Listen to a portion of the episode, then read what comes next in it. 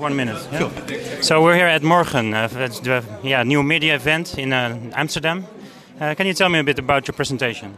Um, so I was going through the various techniques and methodologies that we use in Bellingcat that um, hopefully anyone in the audience can go out and try themselves um, and direct them directing them to a new project being run by Amnesty International and Airwars to help uh, examine the level of destruction in Raqqa. Um, that I think is a great starting point for anyone who wants to get involved with open source investigation. Um, and really, um, a lot of our long term projects in Holland are about getting more people in the Netherlands involved with uh, open source investigation by training them and supporting their investigations. Yeah, you probably have to go to your plane uh, as soon as possible. Uh, but this event is quite a big event in the Netherlands. Uh, do you see that a lot of Dutch journalists are getting uh, involved with the Bellingcat issues? Yeah, I mean, uh, unfortunately, one of the things, the problem we're having, we're going through this transitional moment at Bellingcat. We're hoping to expand rapidly. Uh, we're getting so much interest; it's almost overwhelming. It's wonderful to see, and I'm really hoping we'll be able to take advantage of all of it. Um, but there's a massive amount from uh, interest from not only journalists but people from all kinds of different backgrounds. Yeah. So, what's the next for you to do? Because you're probably flying and then going to the next event. Well, uh, next is the rather boring task of hiring a business director, but then uh, our main um, thing then is planning the launch of a um, office in Holland. Uh, we're looking at The Hague at the moment as the centre uh, for Bellingcat, and that'll be also a training uh, centre as well. So um, it'll, hopefully it'll be the start of a very big uh, project in the Netherlands. Yeah, The Hague is a beautiful centre, of course, a beautiful city for political issues. when you see the main court, the palace, of course, there, you're involved already. But can you tell me a little bit about these uh, strategies that are now coming from Europe for your journalists? Um, well, it's quite an interesting period at the time. As we've been seeing today, there's lots of questions about how we generate revenue from organisations. Bellingcat's actually going to look at a um, uh, kind of uh, membership model similar to Disc Correspondent, um, as we're trying to diversify the various kind of sources of income that we're getting. We currently get run workshops and we get money from foundations, but um, I'm hoping we'll be able to have a membership model that uh, still allows us to make public the content we're already publishing, uh, but gives those members a, a, chance to speak to experts and kind of have um, discussions that are more uh, kind of uh, informed without having to basically end up with Twitter arguments. Yeah, last question, of course. Um, the three pictures you've shown on uh, the presentation. One is of uh, plants, of course, and no one can uh, identify a picture by that. Uh, but it's very important to find the location and to find uh, the source of it. Uh, there are many techniques, but you talked about the strike technique, what Amnesty International also used. Yeah, well, Amnesty International is doing something quite simple where they're looking at satellite imagery to look at changes in buildings to show destruction. So um, they've, they've actually built a really nice website where they've kind of made it a very simple interface. Um, usually we do it using Google Earth, clicking through imagery, which is a bit more time consuming, but um, that's kind of an ideal way of doing it. Thank you very much and uh, hope to see you again. Thank you.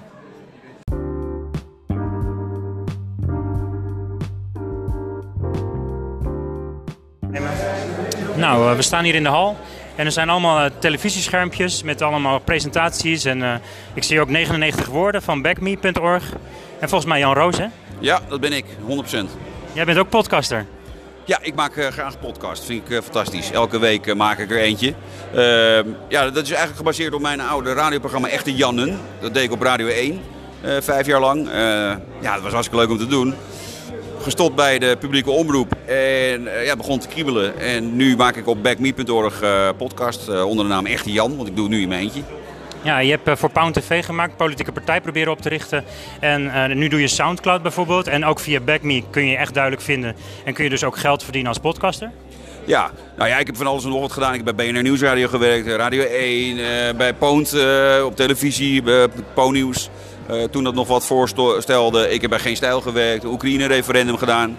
Dus ik heb, nog, ik heb best wel veel gedaan eigenlijk als je het zo zegt. En inderdaad, een gooi naar een, een zetel in de Tweede Kamer. Dat is net niet gelukt. Uh, ja, en daarna uh, ben ik gewoon weer terug in mijn oude werk. En dat is ja, opiniemaker. Dus ik, ik laat graag mijn opinie horen. En ja, dat doe ik nu via BackMe met, met de podcast.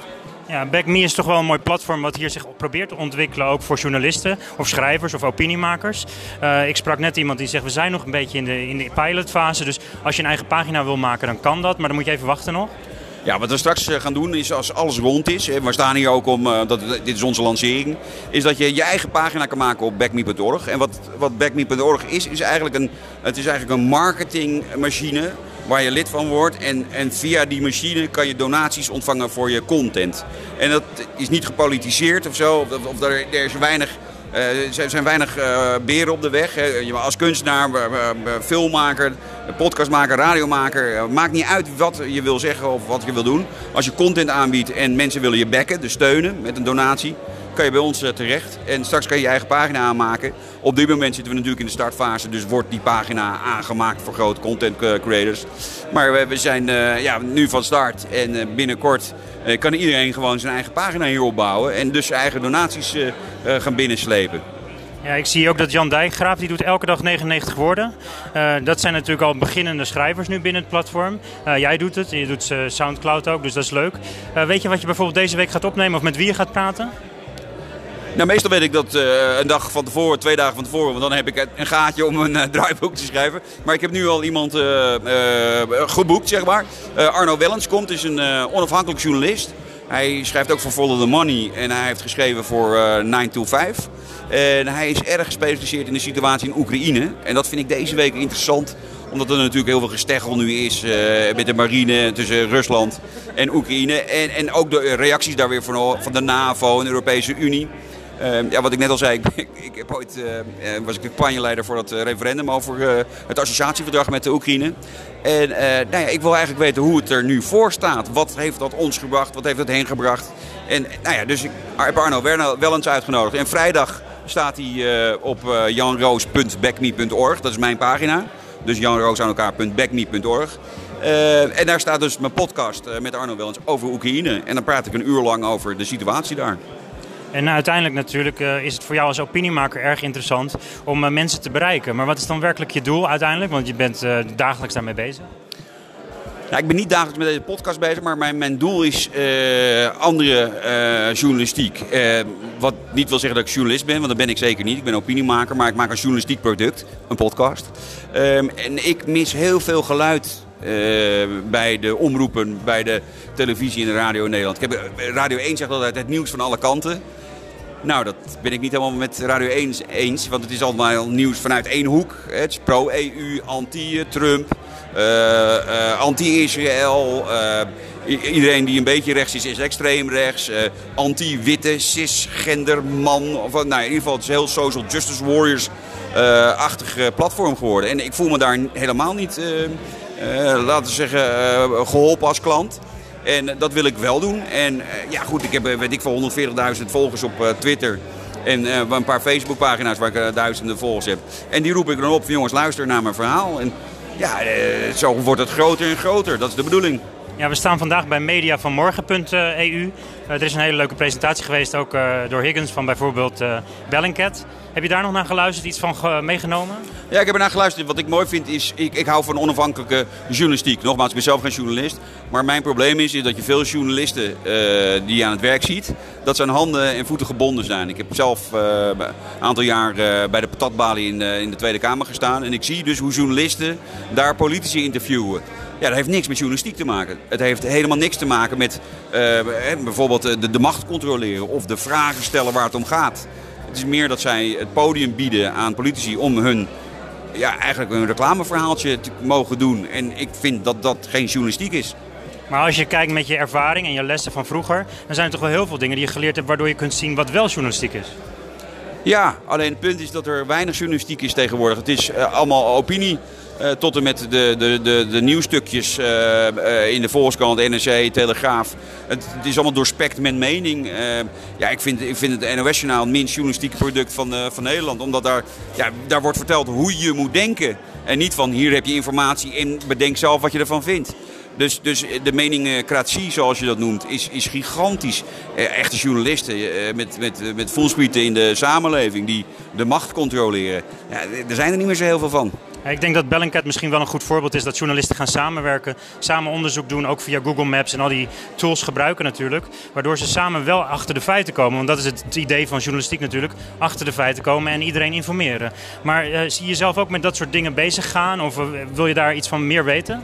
Nou, ik ben, ik ben achter de schermen doe ik veel dit soort zaken. Niet meer met mijn snuffert uh, uh, aan de voorkant. Uh, ik ga ook nooit meer televisie doen. tenminste, dat zeg ik nu. Maar als er een enorme zak geld komt, wil ik nog wel eens mijn principes aan de kant gooien. Maar ik, ik, ik, ik ben met veel dingen bezig en dat gaat over waarheidsvinding. En, maar dat bespreek ik met andere journalisten en die schrijven dan die stukken. Maar ik niet meer uit mijn naam. Maar er zijn wel heel veel zaken waar ik me ongelooflijk over verbaas en daar induik. En dan met de, de, de gegevens die ik boven water krijg, uh, heb ik dan contact met andere journalisten waar uiteindelijk wel een artikel van wordt gemaakt. Wat wel een leuk feitje was in de presentatie, vond ik dat er uh, 15% van de bevolking krijgt een nieuwsbericht binnen. Uh, die krijgt dagelijks of wekelijks in ieder geval een pingetje binnen en die houdt het nieuws echt bij via zijn mobiel. Maar 85% is daar eigenlijk helemaal niet mee bezig. Dus uh, de wereld is niet helemaal gefocust op het media nieuws eigenlijk. Nee, dat is schrikbarend, omdat ik, als ik s'nachts wakker word, voordat ik nog ga plassen, even kijken of er nog iets gebeurd is in de wereld. En als je een relatie hebt met iemand die dat niet heeft, en dat heb ik, dan vraag je wel eens af van waarom weet je dat niet? Ja, omdat diegene gewoon een leven heeft en, en niet alleen maar bezig is met wat er in de maatschappij of in het buitenland of, of überhaupt gebeurt. Hè? Mensen hebben gewoon nog een leven en, ja, wij zijn dan dat noemen ze hier geloof ik de, de, de, de weirdo's die daar continu mee bezig zijn. Dat klopt en daar moet je ook wel heel goed over nadenken als op het moment dat je denkt dat je een markt gaat vullen. Want die markt is niet zo heel groot als het gaat om continue nieuwsverslaggeving. En wat mensen wel heel fijn vinden is een meningje horen. En dat zie je dus overal, want dat is lekkerder. Dat is, hè, dat is toch een beetje de mayonaise bij het frietje. dat mensen graag horen van, nou wat vind je ervan en hoe moet ik erover nadenken. Maar puur hard nieuws, ja, daar zijn heel weinig mensen geïnteresseerd in. Ja, ik heb zelf die documentaire over Bellingcat gezien. Dat gaat over dat je ook accidental journalist kunt worden. Dat houdt in, er komt een vliegtuig in één keer naar beneden. En dan maak je natuurlijk een foto of een filmpje. Je bent op dat moment de journalist, want ja, je staat toch daar en je bent het beeld aan, de content aan het maken. Um, zie je dat zelf ook, dat veel meer mensen dat eigenlijk zijn? De journalisten die werkelijk journalist zijn? Nou ja, dat is de toekomst. Uh, als je, uh, het grote probleem van, voor de macht, zeg maar, hè, dat klinkt een beetje heftig, maar zeg maar voor de zittende macht, als het gaat over bijvoorbeeld het Koningshuis of, of, of de politiek, grote bedrijven. De grote bedreiging is in eerste instantie internet. En de tweede grote bedreiging is burgerjournalistiek. Want als je gewoon een handvol journalisten hebt die je gewoon kan corrumperen, dan komt die waarheid niet naar boven en kan je blijven doen wat je wil doen. Maar als iedereen opeens een camera heeft en opeens een uh, telefoon heeft waar allemaal functies op zitten waar een journalist normaal mee te werk gaat. En ook nog eens een keer dingen ziet en denkt, godverdomme, dat gooi ik op social media, wat dan ook. Dan, dan is het onhoudbaar en niet meer zeg maar, in te klemmen voor de macht. Dus, dus de burgerjournalistiek is, ja, is een fantastisch ding. En dat is, dat is het begin van een opstand. Nou, als laatste vraag. Ik ben zelf wel eens een keertje op uitnodiging van het parlement in uh, Straatsburg geweest. En van de week was ik dan uh, in Den Haag nog. Uh, was een Europese parlement, was een openbare commissievergadering. Kan iedereen volgens mij gewoon aanschuiven. Maar kom jij zelf daar nog wel eens? Nee, omdat ik niet in de Europese Unie geloof, in deze Europese Unie. Ik vind het een, ik vind het een farce. Ik vind het, ik, vind het, ik vind het heel erg dat die mensen niet in de gaten hebben hoe ze ernaast zitten. Als je ziet dat Wim van der Kamp een uh, Europarlementariër van het CDA die daar geloof ik al tien jaar zit en niets heeft bereikt. Gewoon op Twitter zet dat hij boos is dat daar de koffie 1 euro 2 cent is geworden. En het was daarvoor 99 cent. De, en die man die pakt 15.000 euro netto per maand. En, en, die gaat dat twitteren naar, naar het volk. Uh, die, die, die, die kapot gaat onder, onder de, het falen van de Europese Unie. Ik heb daar allemaal niks mee. Ik vind het... tegen de tijd dat dat een uh, democratisch uh, bestuur is, uh, geënt op economie. Dus zeg maar de oude EEG en dan democratisch gekozen mensen. Dan kom ik wel terug. En tot die tijd vind ik dat gewoon een, een gevaar en een bedreiging voor alles wat, wat een beetje beschaafd en Europees is. Nou ja, bedankt voor dit gesprek. En ik hoop dat we later misschien een keer verder praten over Europese zaken. Uh, en heel veel succes met je podcast. Uh, we gaan het zien sowieso natuurlijk. Even kijken op uh, janroosbackme.org.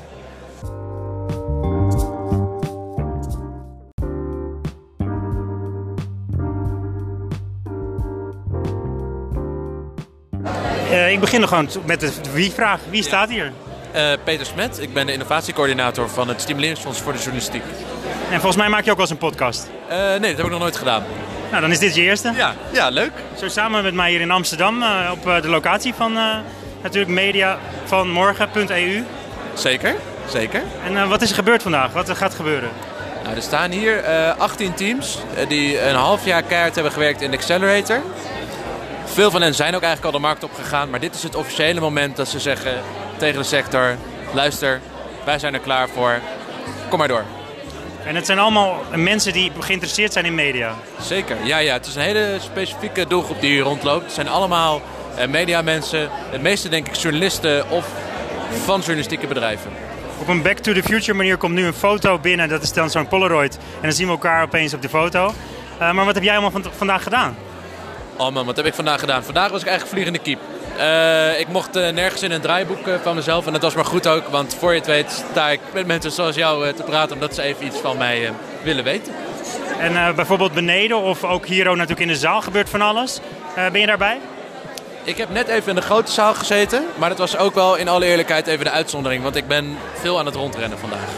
Ja, en wat voor mensen kom je tegen? Kun je iets van uh, een omschrijving geven? Oh, dat gaat echt alle kanten op. Het gaat van uh, studenten tot hoofdredacteuren, uh, onderzoekers, docenten,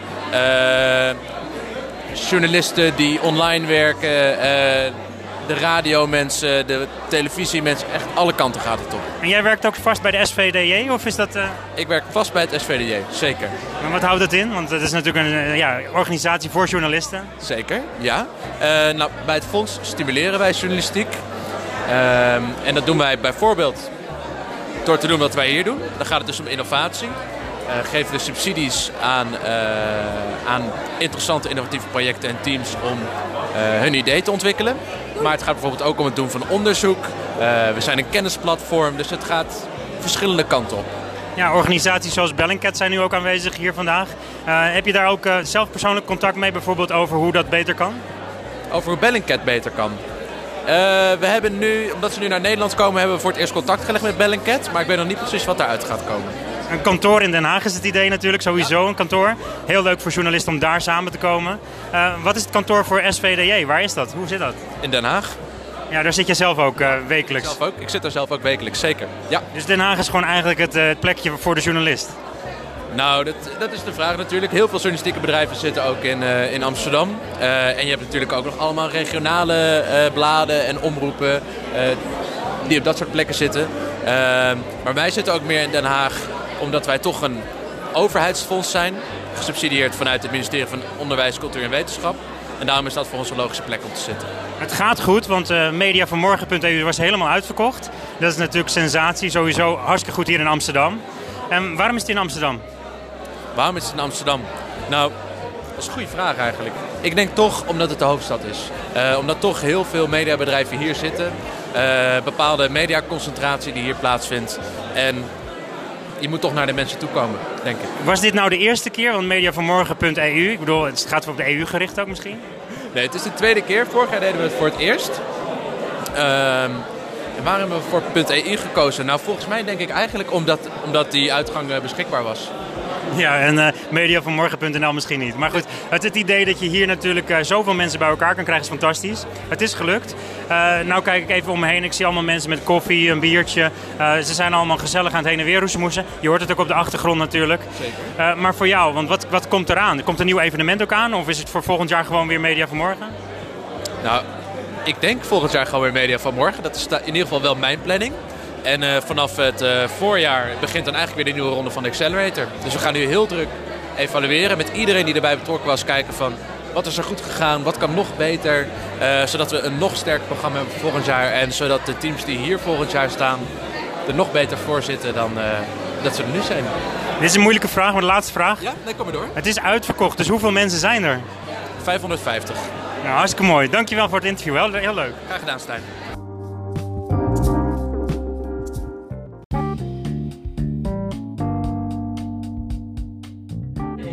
So um, I'm here in Amsterdam, and it's uh, the Tech Job Fair for applied science. Uh, a lot of people are walking around it. It started now, and um, I'm talking to someone next to me um, from Denmark, I think. No, from Germany. Germany. Hello. Who are you? I'm Matthias Kampmeier. Hello. But your company is Danish, or? No, my company is also German. Yeah. And you're now situated in the Netherlands, in Amsterdam.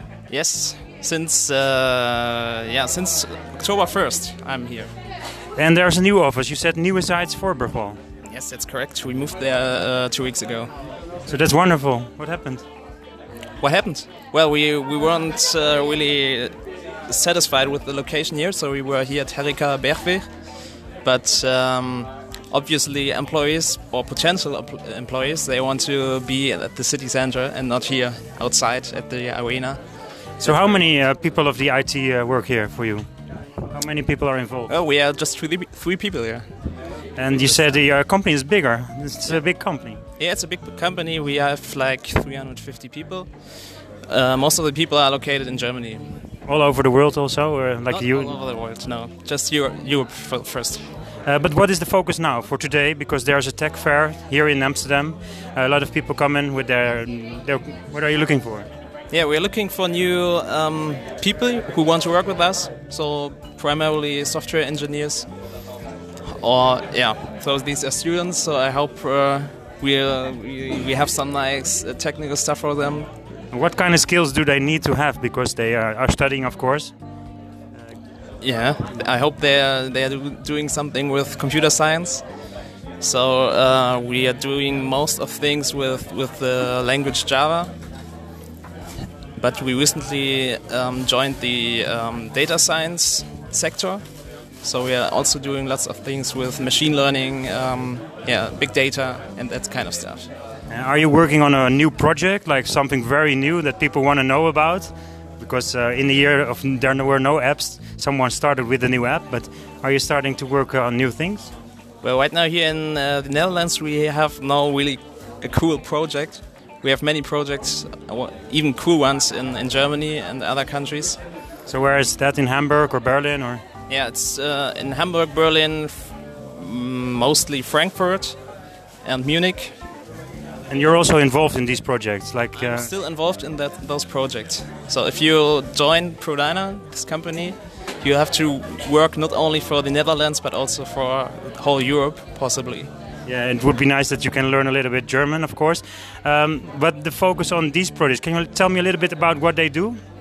What kind of projects they do there? What is it? in um, Germany? yeah, yeah. So um, it depends. So um, we we work for many uh, com- uh, customers in different sectors. So the financial sector, the the health sec- sector, the automobile sector. So for example, um, we for the for some bank we did their internet banking. Those kinds of things. So our products are always most yeah not always but most of the times they are web based. Yeah, web-based, online, uh, used on data, of course, and uh, uh, applied for science by like engineers. A lot of engineers create them.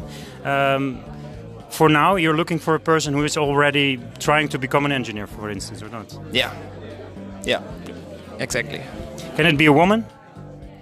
It's yeah, of course. Well, that would be cool. Maybe you can even uh, add two new people uh, in your company, a woman and a man. Yeah. We are looking for a yeah for for everybody we can get. Uh, good luck tonight.